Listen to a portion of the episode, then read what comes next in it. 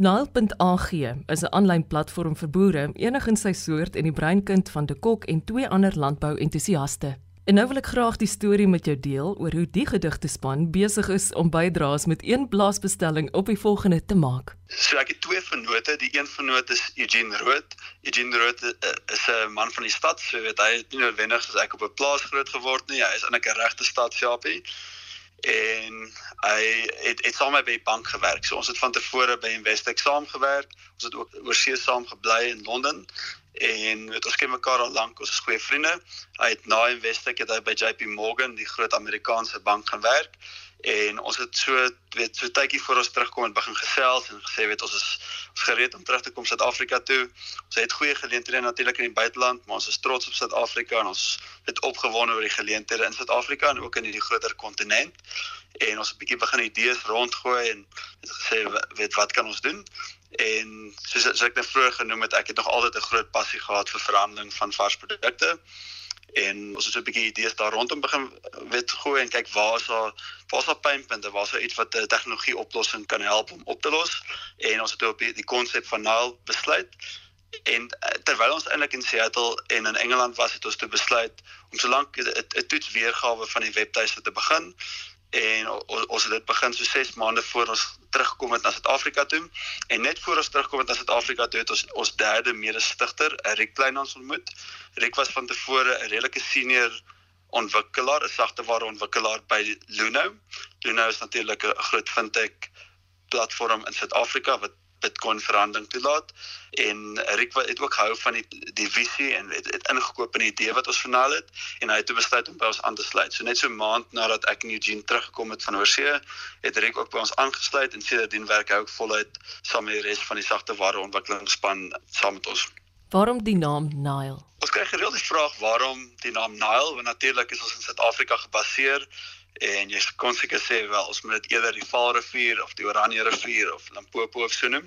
Die rede hoekom die naam Nile is is omdat dit simbolies is van die visie van die besigheid. En soos ek vir van tevore gesê het, die visie van Nile is om produsente reg oor die kontinent heen met verbruikers van varsprodukte reg oor die kontinent te verbind.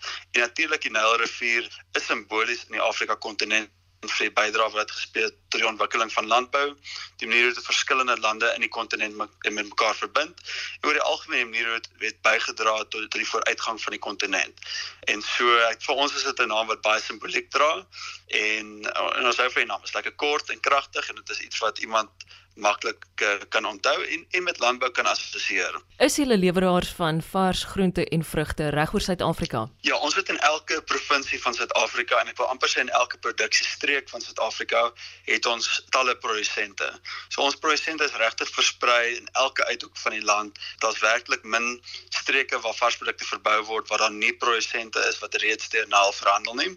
Ons het ook 'n hele mandjie verskillende produkte wat verhandel word. So enigiets van aartappels en eie wat natuurlik bietjie meer kommuniteite is tot kleiner gewasse soos byvoorbeeld eiervrug en uh, en kiwis, appels en pere en piesangs en, en weet vrugte. So regtig 'n wye verskeidenheid produkte wat wat ons tans deur die platform verhandel. En oor tyd natuurlik gaan dit uitbrei. So daar's natuurlik oor tyd geleenthede om selfs nog meer produkte toe te voeg. Ons het tans so oor die 30 produktipes wat deur die platform verhandel word en meer as 400 items wat reeds deur die platform verhandel het. So met 'n redelike wye verskeidenheid van produkte. En net soos ons produsente reg oor die land versprei het, het ons dan ook kopers in elke uithoek van die land. So ons het in meer as 25 dorpe en stede van Suid-Afrika en van ons buurlande het ons kopers. En dit wissel met van groot kommersiële kopers soos supermarkte wat in die in die stede gebaseer is. Uh, al die pad tot klein weet familiebesighede wat in diep landelike gebiede geleë is. Plekke soos Umtata en in Kraanskop en Kokstad. Plekke soos uh, Louis Trichardt of Makado dan in die noorde. Kuruman en, en Vryburg sê maar in die sentrale deel van die land. So dit is vir ons regtig belangrik dat net soos aan die verkoperkant dat met verskillende produsente voordeel trek uit ons oplossing so moet ook wees dat enige koper in die land moet kan toegang kry tot varsprodukte deur die platform. En dit is juist vir ons belangrik dat dat kopers, kommersiële kopers dan van varsprodukte in die platteland met 'n beter opsie is omdat hulle met varsprodukte kan varser by hulle uitkry, hulle met goedkoper kan uitkry, dit moet 'n veiliger proses vir hulle wees om dit daar uit te kry. En natuurlik moet die rakleeftyd beter wees wanneer dit hulle uitkom. Want ons glo uiteindelik weet sal dit doen of lei tot 'n groter verbruik van varsprodukte en natuurlik is dit dan voordelig weer eens vir boere. So dit is uiteindelik hopelik 'n wen-wen situasie. Hoe bestuur julle gradering Louis? So die regering publiseer standaarde vir varsprodukte en, en graderingsstandaarde. En ons platform eh, weet lys daar spesifieke graderingsvereistes. So as 'n produsent uh, moet ek my gradering aandui. So ek moet sê of dit klas 1 of 'n klas 2 of 'n klas 3 is, of dit 'n lokale klas 1 is of 'n 'n buitelandse klas 1 is. Ek ek ek moet dit aan my koper aandui wat is my gradering. En in meeste van die kere moet ek sê lewer boere volgens daardie spesifieke graderings. Natuurlik is daar gevalle wat hulle nie daarby hou nie en dit is soms nie doelbewuslik nie. Dit is maar net die aard van varsprodukte. In daardie geval het ons 'n arbiter op die platform. 'n Procon is die arbiter. Procon het kantore met reg oor die land by varsprodukte markte. Hulle is baie vertroud met die standaarde wat die regering neerlê. So beteken wanneer daar enige dispute plaasvind, is hulle uiteindelik die finale arbiter op die platform te bepaal of daar aan die kwaliteitsvereistes voldoen word al dan nie. Ek kan wel noem dit eintlik in baie min gevalle is en ek baie seldsaam dat ons enige arbitrasie op die platform nodig het. Maar die algemeen is dit redelik maklik om tussen boere en die koper 'n skikking te bereik indien daar enige afwyking is op kwaliteit. En en weer eens die gradering en die kompleksiteit daarvan is juist wat interessant uh, vir ons maak. Weet dit is wat die wat die uitdaging bied.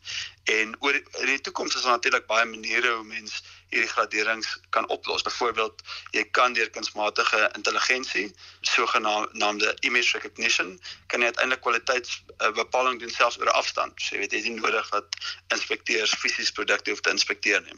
So daar's baie maniere in die toekoms natuurlik om tegnologie te gebruik om hierdie proses te vergemaklik, om meer doeltreffend te maak, maar tot dan is natuurlik het ons hierdie meganisme wat dan 'n dispuutmeganisme is wat deur Procon besleg word. Ek kan my indink die logistiek in terme van verspreiding is baie kompleks. Dis heeltemal reg. Die logistiek is waarskynlik eh, weet een van die enkel belangrikste bydraers in varsprodukte. Dis natuurlik is logistiek belangrik om seker te maak die koue ketting word behou. Dit is belangrik om seker te maak weet dat die die kostes nie te hoog wees nie aangesien 'n logistiek gewoonlik 'n groot gedeelte van die koste van varsprodukte uitmaak. En so ons platform is redelik slim in die manier hoe dit, logistiek hanteer. So 'n boer kan tipies klomp verskillende verstellings maak rondom logistiek. So hy kan sê waar in die land hy produkte kan aflaai. Hy kan sê wat die minimum hoeveelhede wat 'n koper moet bestel voor hy bereid is om dit af te laai.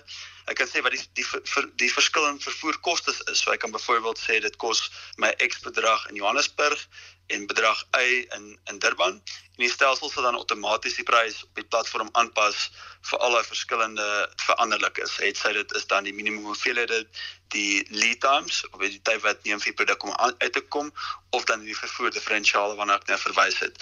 En so die uiteinde daarvan is na die produsent al hierdie verstellings gemaak het, is dit baie duidelik vir die koper aan die ander kant om te weet, weet wat is moontlik? Hoeveel moet ek bestel? Waar kan dit afgelewer word en wat is die koste dan 'n afgelewerde koste by daai punt? Bykomend natuurlik dan tot die produsent se vermoë om af te lewer by sekere plekke. Het ons ook derde party logistieke verskaffers wat hierdie platform hulle dienste aanbied. So kom ons vat 'n voorbeeld. As 'n boer kan dalk sê ek kan net in Johannesburg aflewer en dalk in Durban, maar ek kan nie in die Kaap aflewer nie. Maar gewoonlik is daar derde party logistieke verskaffers in daai produksiestreke wat wel in Senema in die Kaap kan aflewer. En hierdie platform is dit dan moontlik dat 'n koper steeds die boer se produk kan kry want hy kan met hierdie platform 'n derde party logistieke verskaffer reël. So die produk kan of deur die boer self afgelewer word by koper of dan natuurlik deur 'n derde party logistieke verskaffer. En dan het ons ook 'n hub of dan 'n konsolidasiesentrum in Johannesburg en binnekort gaan ons dieselfde in Durban. En die idee hierso is dat 'n koper van 'n wye verskeidenheid produsente gelyktydig kan aankoop en dan op een slag die produk kan of afval of daai produk dan na hom gestuur word. Is dit die platform winsgewend? Ek sal dit as 'n start-up probeer verduidelik en weet uh, min start-ups is eintlik winsgewend in die kort termyn. En die rede hoekom hulle nie winsgewend in die kort termyn is nie, is omdat daar 'n baie groot koste element is om die sagte ware te ontwikkel. So meeste besighede, kom ons vat 'n voorbeeld, uh, soos Amazon of Alibaba of enige van die groot e-handel platforms, het baie lank gevat voor dit winsgewend geraak het. En dit is net omdat dit so duur is om die hulpbronne te bekom om uh, uh, weet 'n sagte ware platform te ontwikkel wat kompleks is en wat al die kompleksiteite kan hanteer in in in die in die stelsel. Wel ons is definitief nie tans winsgewend nie en ons beplan ook nie om in, in die, om binnekort winsgewend te wees nie.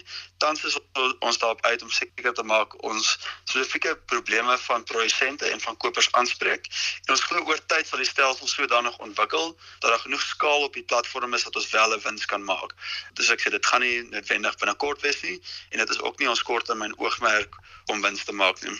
My ervaring as 'n landboujoernalis is dat voedselsekerheid so op die voorgrond is by die alleman. Is dit hoe jy dit ook ervaar? Ek dink voedselsekerheid word gaan meer en meer 'n belangrike onderwerp raak. Natuurlik die bevolkings neem gereeld toe en veral in die Afrika kontinent is voedselsekerheid regtig 'n belangrike onderwerp.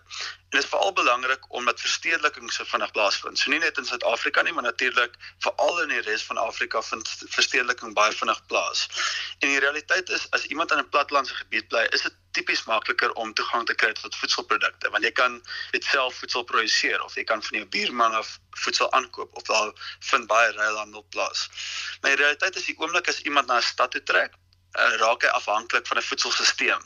En hy is afhanklik van 'n stelsel wat voedsel inbring in die stad in en dit effektief kan versprei tussen mense binne 'n groot stad. En ek dink ons het baie duidelik gesien met die die on, onlangse onluste wat plaasgevind het in Natal en in Gauteng. Ek weet hoe, kwesbaar is 'n voedselstelsel wanneer hy ontwrig word. En ek dink dit het weer eens klem gelê op die belangrikheid van 'n voedselstelsel om effektief te wees, om aanpasbaar te wees.